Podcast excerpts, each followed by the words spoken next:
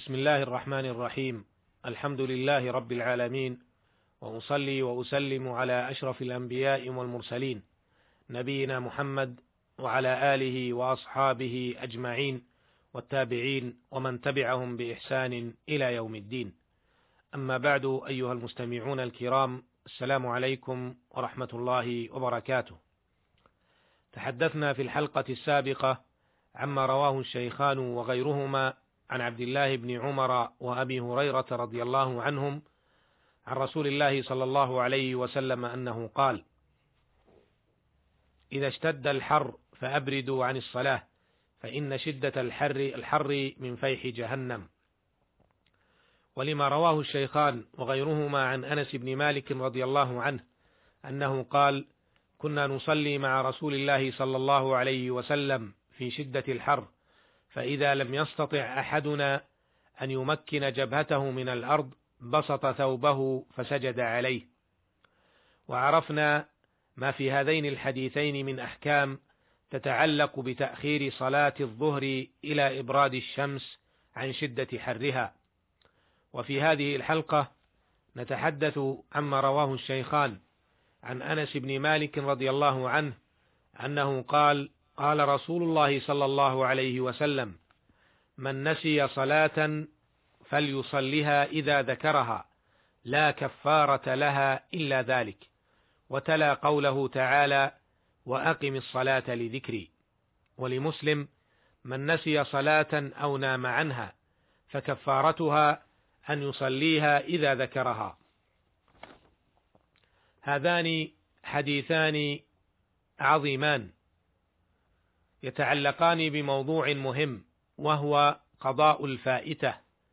ولذا أعرض ما فيهما من أحكام وفوائد في الوقفات الآتية.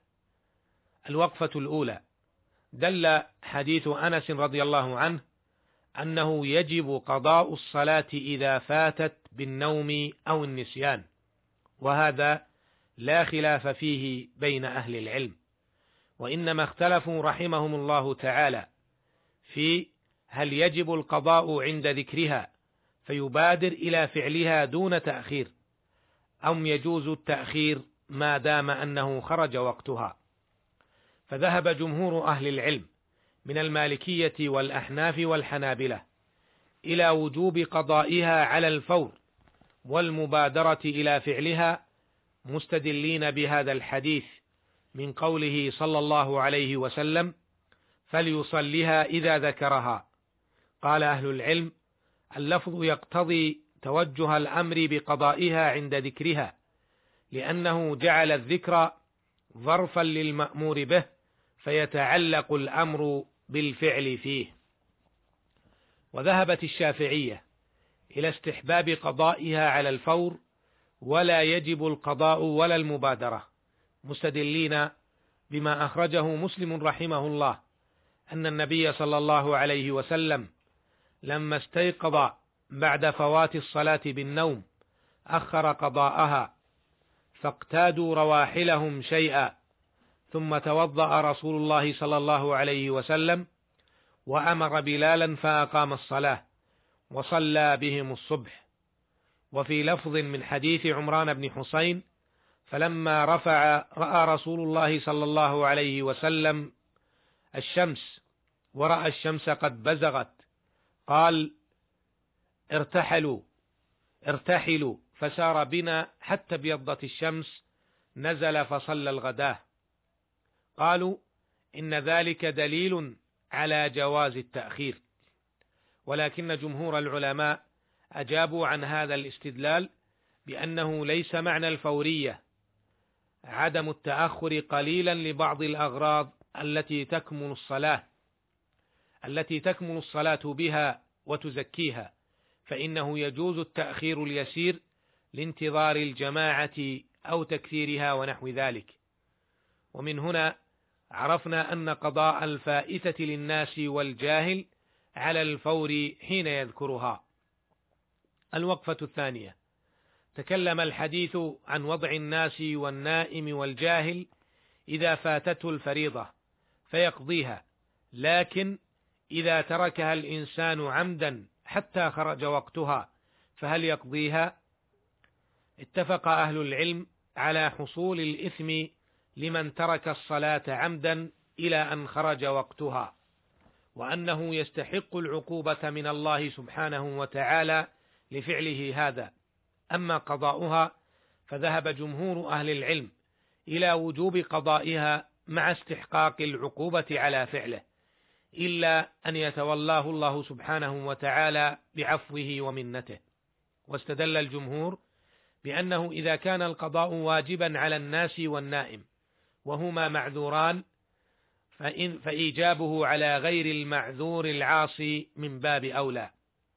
ومما استدلوا به أيضا أن النبي صلى الله عليه وسلم صلى العصر بعد المغرب يوم الخندق هو وأصحابه ومعلوم أنهم كانوا غير نائمين ولا ساهين ولو حصل السهو من بعضهم ما حصل منهم جميعا.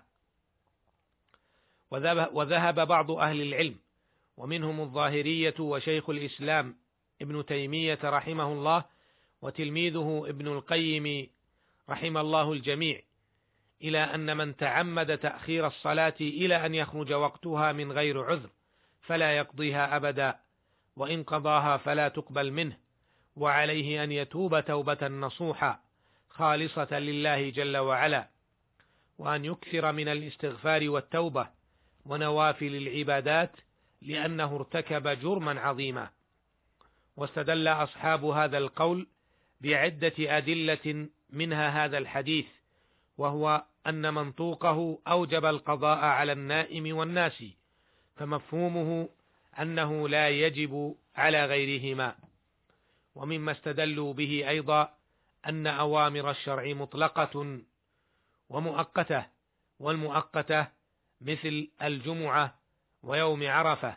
فمثل هذه العبادات لا تقبل إلا في أوقاتها ومنها الصلاة المؤخرة بلا عذر.